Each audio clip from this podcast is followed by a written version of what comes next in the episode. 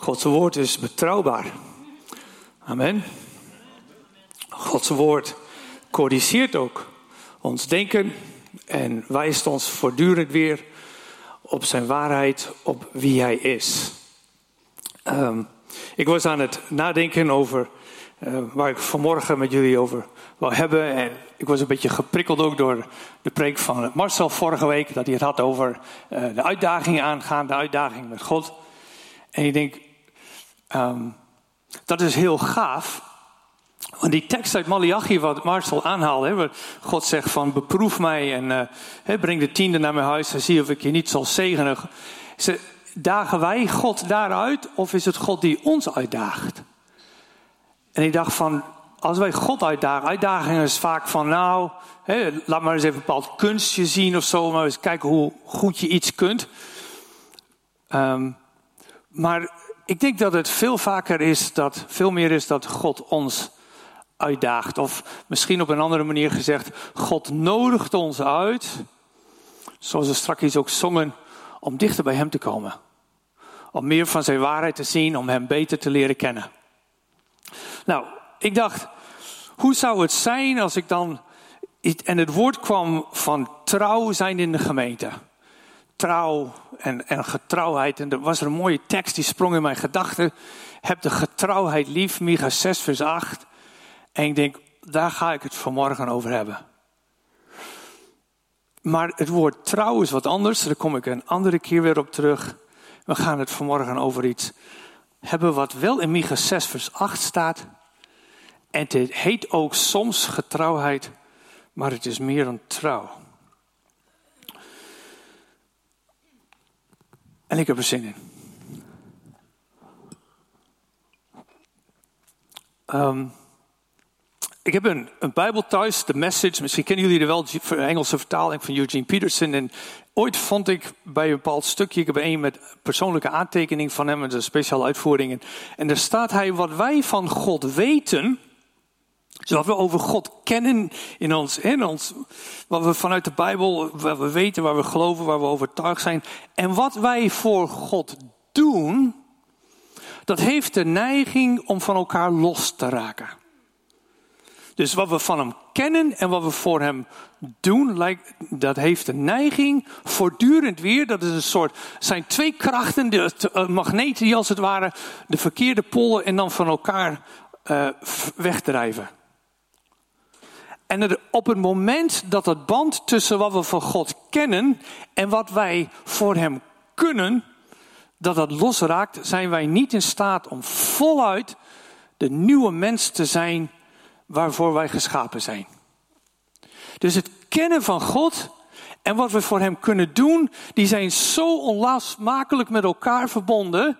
En op het moment dat ze, dat ze van elkaar verwijderd raken en het contact verliezen, dan zijn wij niet in staat om die nieuwe mens te zijn waartoe wij geroepen zijn en die God, waartoe God ons gesteld heeft, waarvoor wij geschapen zijn in Christus.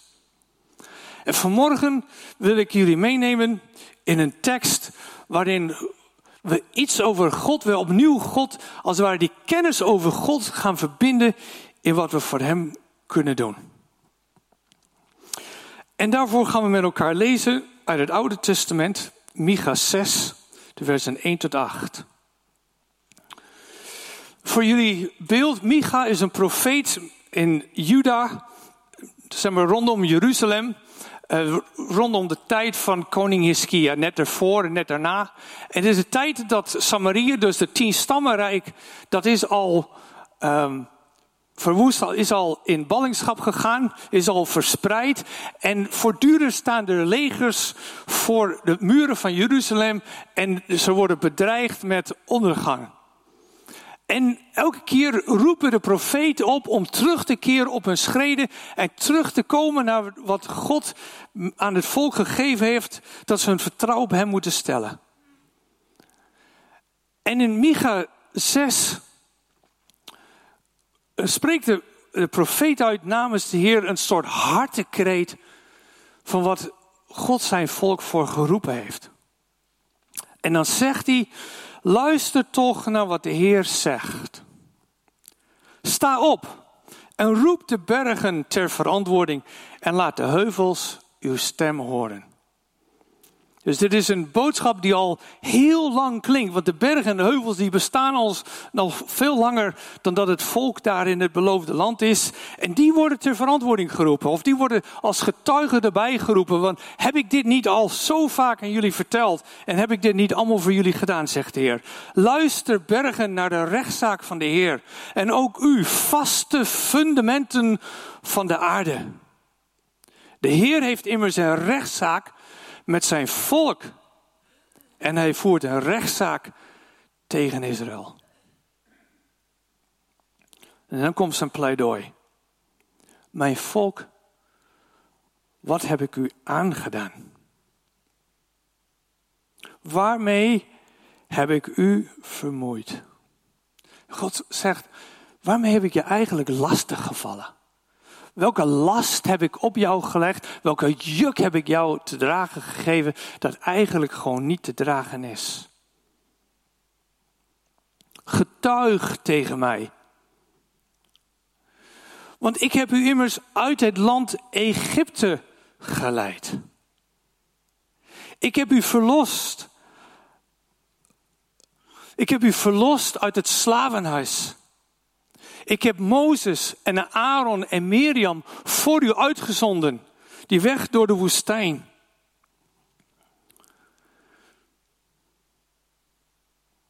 Mijn volk, denk toch aan wat Balak, de koning van Moab, beraamde en wat Biliam, de zoon van Beor, hem antwoordde aan wat er gebeurd is van Sittim tot Gilgal, opdat de gerechtigheid, opdat u de gerechtigheid van de Heer kent. Dus hij, hij, hij beroept zich op die hele weg van de uittocht uit Egypte, uit die slavenhuis, door de woestijn, met wonderen om, omgeven, water in de woestijn, eten, meer dan ze konden, op konden, en bevrijding van al hun vijanden. En hij heeft ze geleid naar het beloofde land, en hij heeft ze daar hun alle vijanden voor hen weggedreven, onder leiding van Jozua.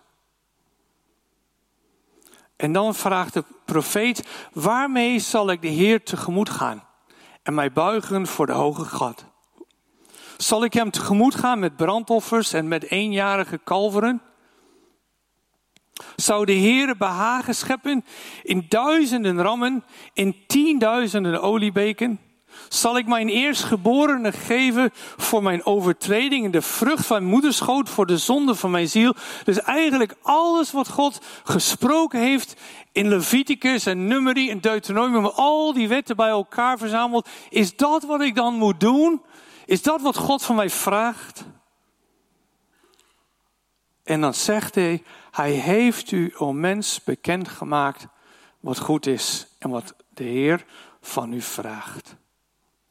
Niet anders dan recht te doen, goede tierenheid lief te hebben en ootmoedig te wandelen met uw God. Niet anders dan recht te doen, goede tierenheid lief te hebben en ootmoedig te wandelen met uw God. Zo krachtig. Alles alles, alles wat God gedaan heeft, alles wat hij al gezegd heeft, alles wat je kunt lezen in, in heel de Torah en in al de boeken die daar overheen geschreven zijn, zijn samengevat in drie kleine dingen. Recht doen, getrouwheid liefhebben en opmoedig wandelen met je God. Dan ga ik zo meteen met jullie inzoomen op die tweede, de getrouwheid liefhebben. Maar hij vraagt drie dingen. Het is de combinatie. En daar kom ik straks wel even kort op terug. Maar ik wilde inzoomen op die getrouwheid, omdat voor mijn gevoel komen we daar wel heel erg dicht bij het hart van God. Getrouwheid liefhebben. Of zoals we het net hebben gelezen in de herziende goede tierenheid liefhebben. En het grappige is, als je nou in de verschillende vertalingen gaat kijken, dan worden er allerlei woorden uh, weergegeven om hier uh, proberen te vertalen wat er in het Hebreeuws staat. Ik heb ze maar op een rijtje gezet, want ik denk anders horen jullie het maar aan. Maar als je het ziet, dan helpt dat wat meer in een PowerPoint. Wat zijn de verschillende woorden waarmee Micha 6, vers 8 vertaald worden als het gaat over dat woord goedertierenheid? Nou, allereerst goedertierenheid, we lassen het, of in de NBG-vertaling, meer bekend onder de ouderen onder ons, ge, uh, getrouwheid. Maar er wordt ook vertaald als vriendschap of vriendelijkheid. Het wordt ook vertaald met trouw. Dus vandaar dat ik dacht, ik kan dit woord daar wel voor gebruiken. Maar trouw was maar één aspect van die goede tierenheid wat hierin wordt weergegeven. Maar ook liefde. Het wordt zelfs vertaald met weldadigheid of vroomheid. In het Engels vind je de vertaling mercy en kindness en loyalty, alweer een vorm van trouw. Maar vooral mercy, that you will love mercy, daar ben ik mee en die woorden zijn mij uh, in, een, in het hart gegrift, zeg maar. To do justice, to love mercy and to walk humbly with your God. Kindness, dus dat is aardig zijn, goed zijn voor anderen trouw. Nou, waar gaat het om? Het woord wat, waar het hier om gaat, dat woord goedertierenheid in het Hebreeuws, is het woord geset. Geset. En dit is een woord wat 240 keer, ruim 240 keer in het Oude Testament voorkomt, waarvan de helft in de psalmen. Gaan we straks ook even naar kijken.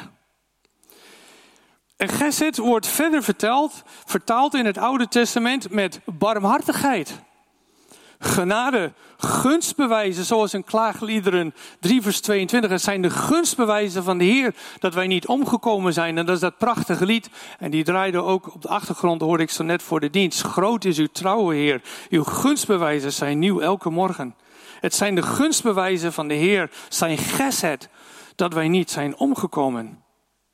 Het wordt ook vertaald met dankbaarheid met weldaad, met liefdesdienst of liefdesdaad, met schoonheid en met genegenheid. En voor de liefhebbers onder ons, en ik ben er een van, het Zuid-Afrikaans.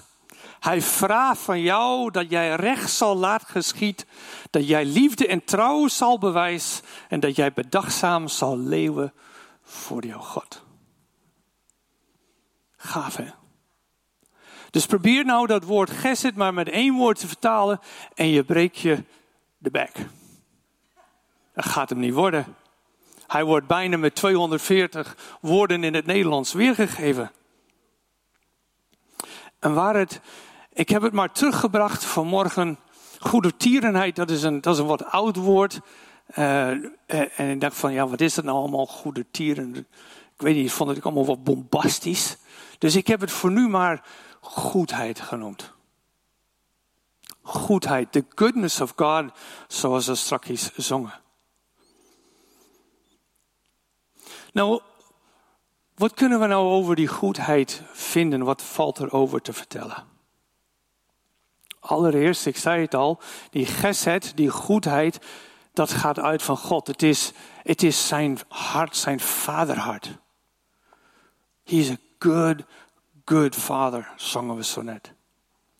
In Exodus 33 en hoofdstuk 34 is Mozes op de berg na de uittocht op de berg Horeb. En hij heeft daar de tien geboden al ontvangen. En hij is daar 40 dagen en 40 nachten zonder eten en drinken op de berg bij de Heer. Je zou kunnen zeggen, de Heer was hem tot voedsel en tot lafenis dag en nacht.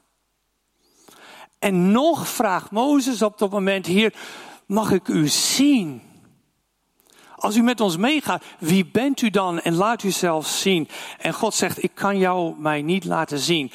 Gods goedheid zou je kunnen zeggen, is zo puur, is zo overweldigend, dat afgezien van Adam en Eva in het paradijs, het voor geen mensenoog te verdragen is.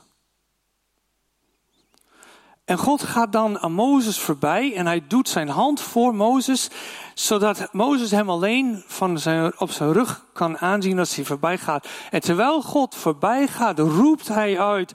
De Heer ging aan hem voorbij en hij riep, Heere, Heere, God barmhartig en genadig, langmoedig, groot van goedertierenheid.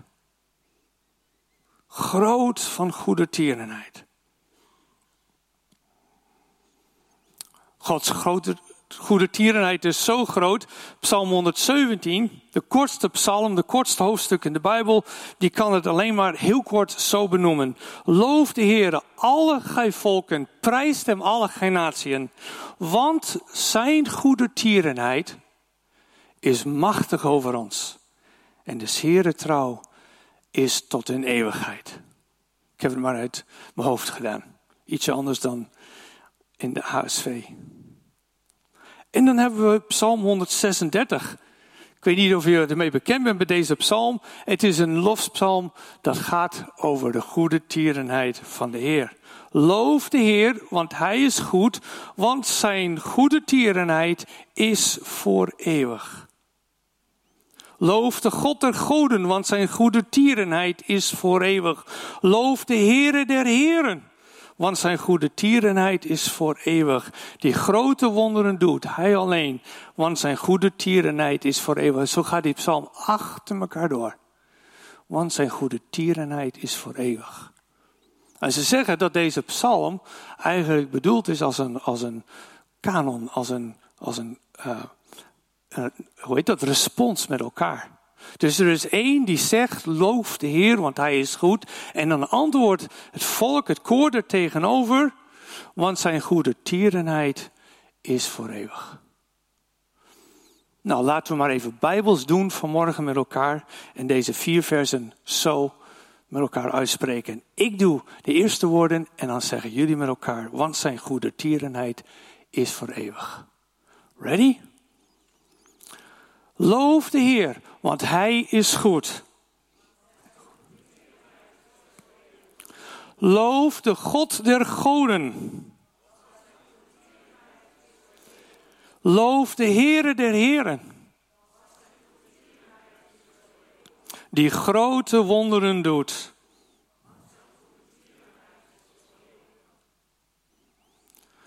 Als er één ding is wat we voor God altijd kunnen zeggen.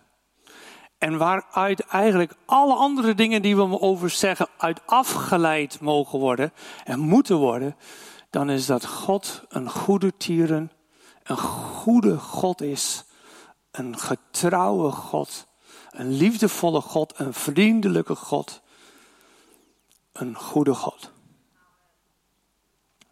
Gods goedheid. En nou zegt hij in Micha 6, vers 8. En ik wil dat jullie goedheid lief hebben. Het is zijn verlangen voor ons. In Hosea 6 vers 6, de tijdgenoot van Micha zegt, want in liefde heb ik behagen en niet in slachtoffer, in kennis van God en niet in brandoffers. Dus terwijl God de Torah heeft gegeven en de onderwijzingen en de wetten, et cetera, et cetera, brengt hij dat allemaal terug naar dit ene en eenvoudige iets. Eén ding. En het is grappig dat Jezus dat ook zegt tegen Martha. Hè? Martha, Martha, je bent met een heleboel dingen bezig, maar er is maar één ding belangrijk. En dat is de liefde. En dat je mij kent. En dat zijn dan twee dingen, maar ze horen bij elkaar. Je kunt niet de liefde kennen zonder God. Want God is liefde. Je kunt niet de goedheid kennen, goede tierenheid omschrijven, zonder dat je kennis hebt van de God van Abraham, Isaac en Jacob. Hij is de goede God. En Hosea 12, vers 6 zegt hij, keer tot uw God terug, bewaar liefde en recht en wacht bestendig op God. Liefde en recht en wachten op God. De kern van Gods opdracht, of je zou kunnen zeggen de kern van Gods inzet naar zijn volk toe en alle woorden die hij heeft toevertrouwd, is zodat ze Hem leren kennen In al zijn grote daden vol liefde en trouw en recht. En dat ze dat gaan overnemen. Dat dat in hun zichtbaar wordt dat zij kinderen zijn van Abraham en de God van Abraham.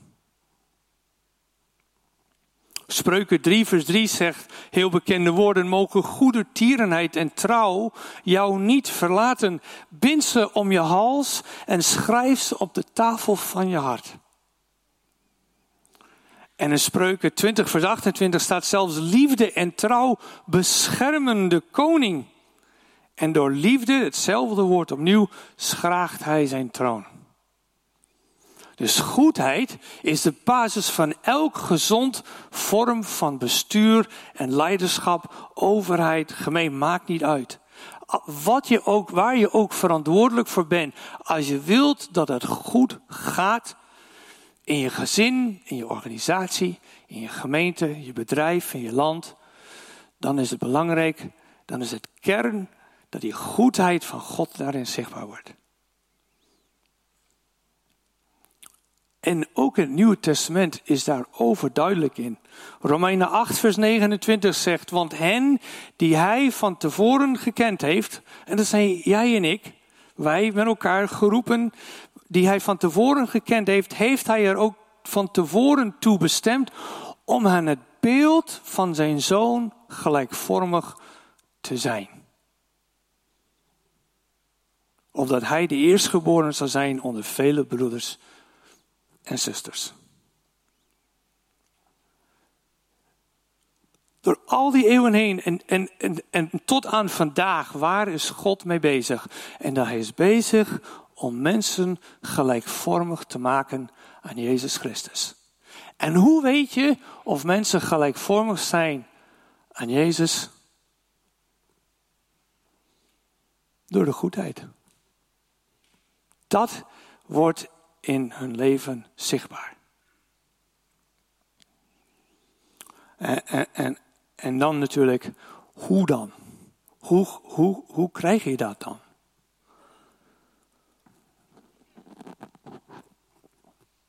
Hoe krijgen we meer van Gods goedheid in ons leven? Nou, Micha 6 vers 8 zegt het al. Door het lief te hebben door ervan te houden. En die liefde, dat is een, een verknocht zijn. Dat is van elkaar houden, zoals een man en een vrouw van elkaar houden. Dat is een toegewijd zijn, dat je het nooit meer los wilt laten. Je erin verkneuteren, het omarmen en omhelzen. Goedheid van God de goedheid in het leven, in deze wereld, in je eigen hart, gewoon koesteren. Liefhebben. Boven alles. Het meest kostbare wat je hebt, het meest kostbare wat je kent. Wat is het meest kostbare in jouw leven? En dat het eerste antwoord dat we dan zouden zeggen, dat ik de goedheid van God heb mogen leren kennen. En het verlangen om dat in elke situatie en in elke relatie te laten overwinnen. Het is hetzelfde woord liefhebben als in Deuteronomium 6 vers 5. Ook weer één vers wat eigenlijk alles wat God wilt en van het volk Israël verwacht samenvat. Dit ene, namelijk de Heer onze God is één en gij zult de Heer uw God liefhebben. Met geheel uw hart, geheel uw verstand, geheel uw ziel en geheel uw kracht. Diezelfde liefde verknocht aan God met alles wat je hebt en bent. En toen moest ik denken, is er een bepaald beeld wat die verknochtheid van die liefde nou een klein beetje zichtbaar maakt? En ik dacht, Winnie de Poe. Die is stapelgek. Die is verzot op honing. Honing, dat is zijn levenslust. Daar doet hij alles voor. Geef hem een pot honing en al het trommelland valt weg. alle problemen lossen op. Hij, hij, het maakt niet uit welke rotsituatie hij te maken heeft. Met een pot honing krijgt hij een blijde glimlach op zijn gezicht en hij kan het leven weer aan. Prachtig beeld, toch? Hoe zou het zijn als we zo verknocht zijn aan die goedheid van God, dat we gewoon in alles, gewoon in ons werk, in ons gezin, waar dan ook, in elk gesprek, iets van dat verlangen en die liefde naar die goedheid zo ervaren dat het van ons afstraalt. Winnie de Poe die, die weet het zo ver te brengen dat hij dan zelf zegt, onkruid, onkruiden dat zijn ook bloemen. Wanneer je ze beter leert kennen. Ja, daarvoor moet je wel goedheid en liefde in je leven hebben om dat ook van onkruid te kunnen zeggen. Of van mensen die soms als onkruid aanvoelen. Hij zegt, je kunt niet in een hoekje in het bos blijven wachten voor anderen om naar jou toe te komen. Soms moet je ook naar hen toe gaan. Zo simpel. Of misschien een mooi iets om tegen je echtgenoot te zeggen, die man of vrouw is ochtends wakker wordt, of je kind, of je ouders, of iemand in de gemeente. Een dag met jou is mijn favoriete dag. Dus vandaag is mijn nieuwe favoriete dag. Goedheid. Dat je het zo opstapelt, zo opdikt als een pot honing dat het overal aan kleeft en je het niet meer van je handen krijgt. Nou, dat was het dan, zou je haast zeggen, toch? Nou, niet helemaal, want ik heb in elk geval ontdekt dat die goedheid best kwetsbaar is. Vinden jullie dat ook? Lastig, hè, soms. Dan wil je het wel, en toch, toch loop je tegen dingen aan. En dan reageer je vanuit een andere hoek dan dat je zou willen.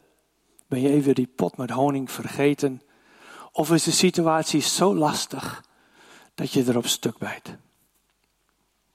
Vind een mooi beeld. In Hosea 6, 4 zegt de Heer: Immers uw liefde is als een morgenwolk en als een dauw die in de vroegte vergaat.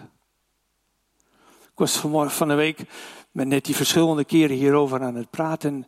En toen zei ik ineens, ik zeg, ik heb, ik heb die goedheid wel ervaren van de week, maar ik heb ook ervaren hoe kwetsbaar het is. Het is als een, als een heel dun sluier om je heen. Het bedekt alles, maar er hoeft maar wat te gebeuren en, en er komen gelijk al dreigen er scheuren in te komen.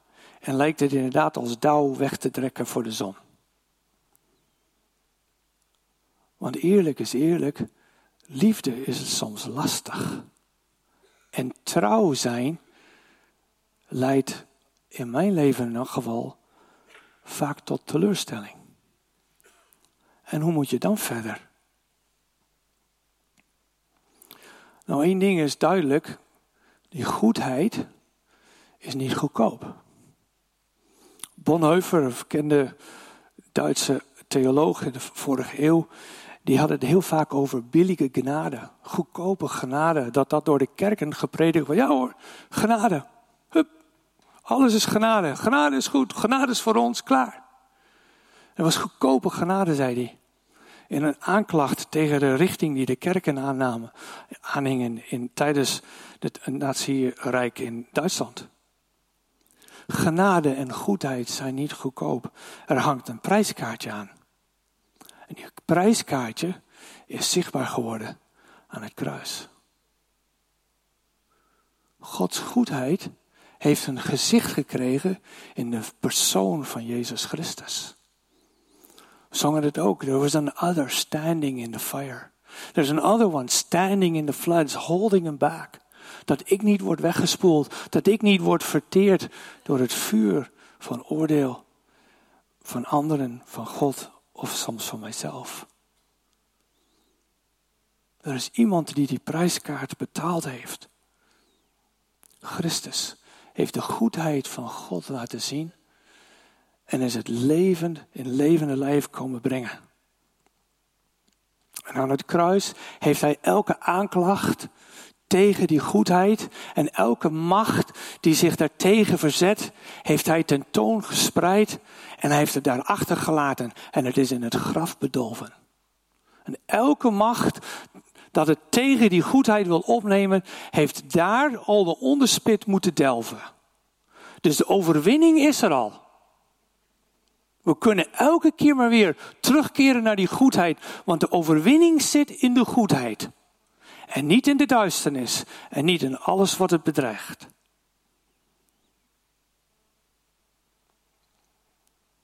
Goede tierenheid is er. Als een pot honing ligt het bijna voor het oprapen. Er is een enorme prijs voor betaald.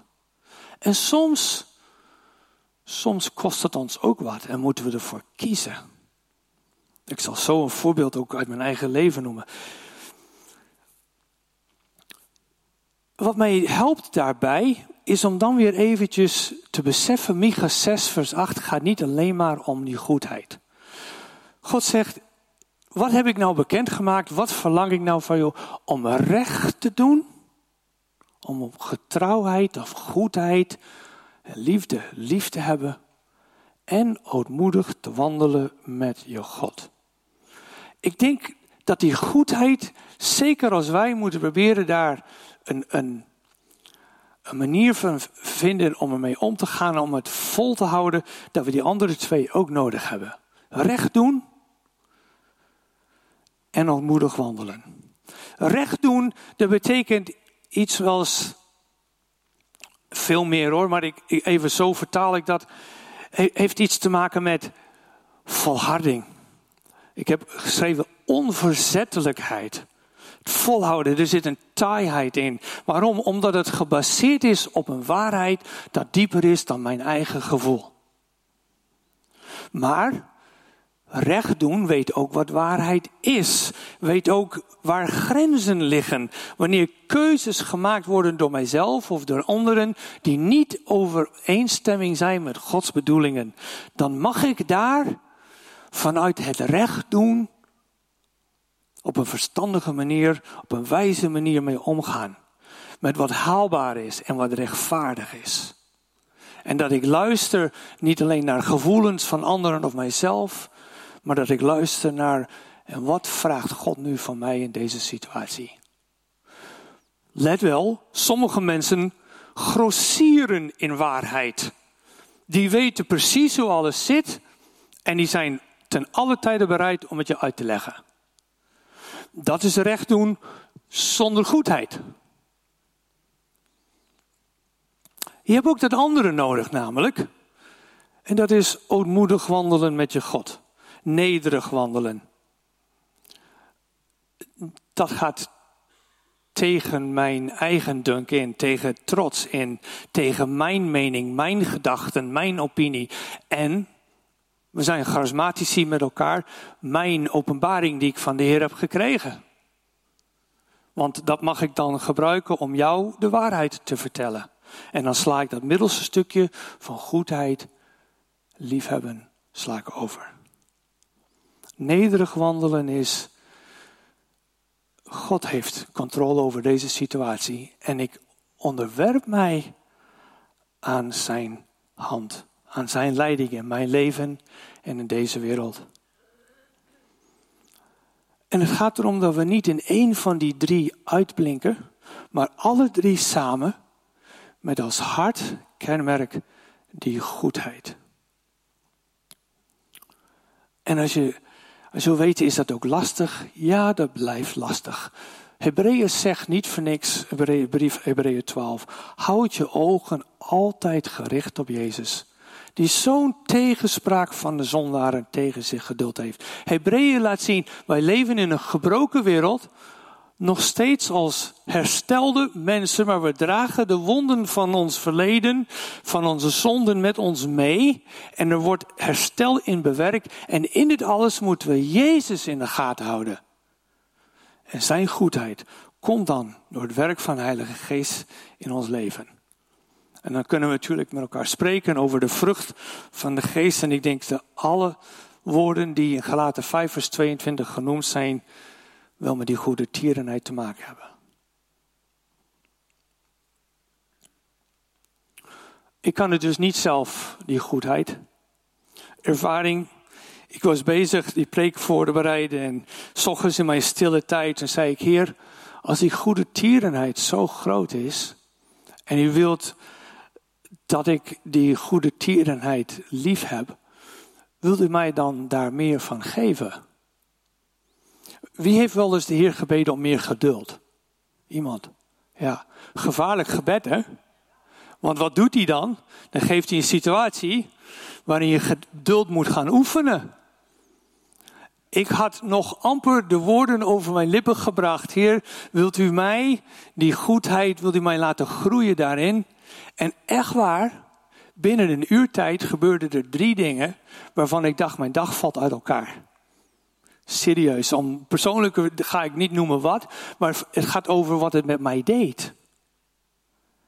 En ik was flink aan het wankelen gebracht. Er waren drie dingen die ik heel erg lastig vond. We hebben net hier ook over gesproken en gedeeld. En op een of andere manier, ik dacht van ja, maar hoe moet ik hier nou mee omgaan? En elk van die, hoe moet ik dit nu aanpakken? En stapje voor stapje. Van wat heb ik geleerd? Wat weet ik? Wat weet ik van God? Wat zou God van mij vragen? En, en proberen, hoe kan ik het, het probleem terugdringen tot een rimpeling, zodat een golf van genade eroverheen kan komen. En het was een hele uitdaging, het kostte echt wel een paar uur. Dus in één uur, en dan heel langzaam over een paar uur bouwt het weer op. En aan het eind van de dag zei ik tegen Nettie, ik heb iets van Gods goedheid ervaren. Zo kwetsbaar is het en zo kan het weer terugkomen. Ik vind het zo mooi.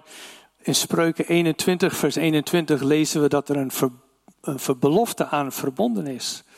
Er staat wie gerechtigheid en liefde, en hier is het woord liefde, is het woord geset. Wie gerechtigheid en geset, goede tierenheid najaagt, die vindt leven, gerechtigheid en eer. Dus als je geset najaagt, als je die goedheid lief hebt, koestert en verknocht raakt, dan brengt dat zoveel zegen in je leven.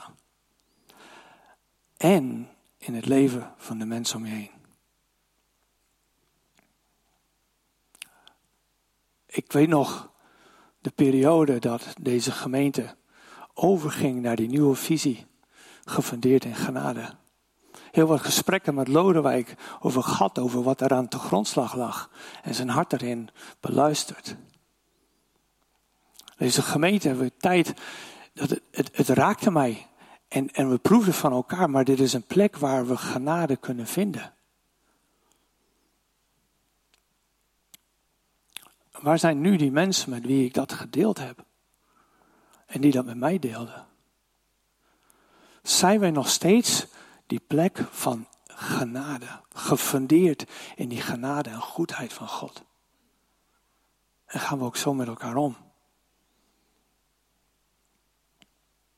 Ik denk dat daar een uitdaging ligt voor ons als gemeente. Om die goedheid van God na te jagen, zodat zegen, leven, gerechtigheid en eer komt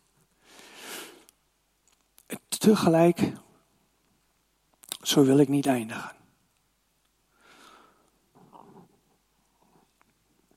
Zo wil ik niet eindigen, want ik denk ook niet dat, dat we daarmee er komen. Ik wil eindigen met Winnie de Pooh.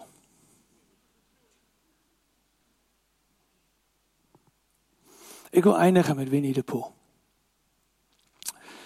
En ik wil jullie uitnodigen het komende paar minuten om God te vragen.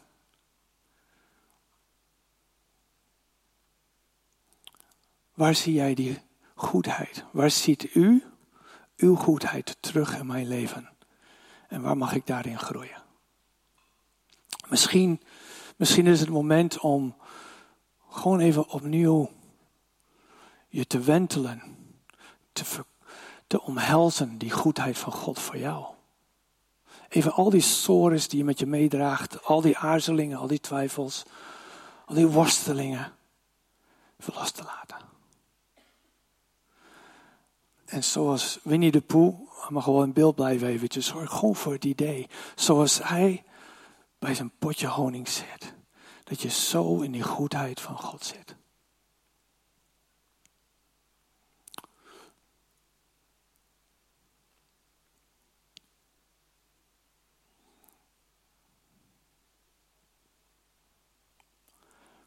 Misschien is er ook een plek in jouw leven, een situatie, waar je tegenaan loopt en waar je niet zo goed raad mee weet.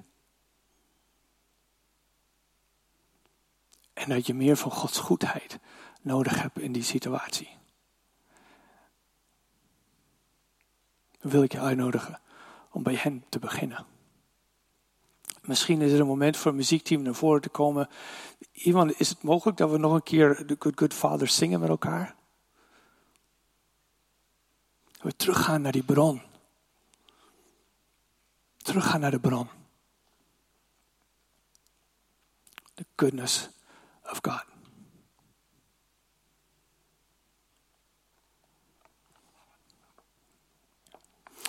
Ik wil kort met jullie bidden. En dan heeft het muziekteam het wel over. Vader God, u bent een goede God en als we over uw goedheid gaan nadenken en proberen dat een beeld van te krijgen, hier zetten we een beeld van een, van een beertje met een pot honing op het scherm, maar hier dat, dat, dat, dat, dat haalt het niet bij wie u bent. Zo groot en zo goed in alle omstandigheden. En uw goedheid voor ons is er elke dag opnieuw. Elke ochtend zijn uw gunstbewijzen, uw geset nieuw voor ons. En uw goede tierenheid gaat door deze wereld heen. En verlangt ernaar om mensen mee te nemen en om te vormen en te veranderen. Zodat ze beelddragers zijn van uw zoon en beelddragers van die goedheid in deze wereld. Heer, we kunnen dat niet zonder u. En we hebben u zo nodig. Heer, zo bid ik u vanmorgen, zoals we met elkaar zijn, laat uw goedheid stromen en laat het komen in ons hart, in ons denken, in ons handelen, in wie we zijn. In de naam van Jezus.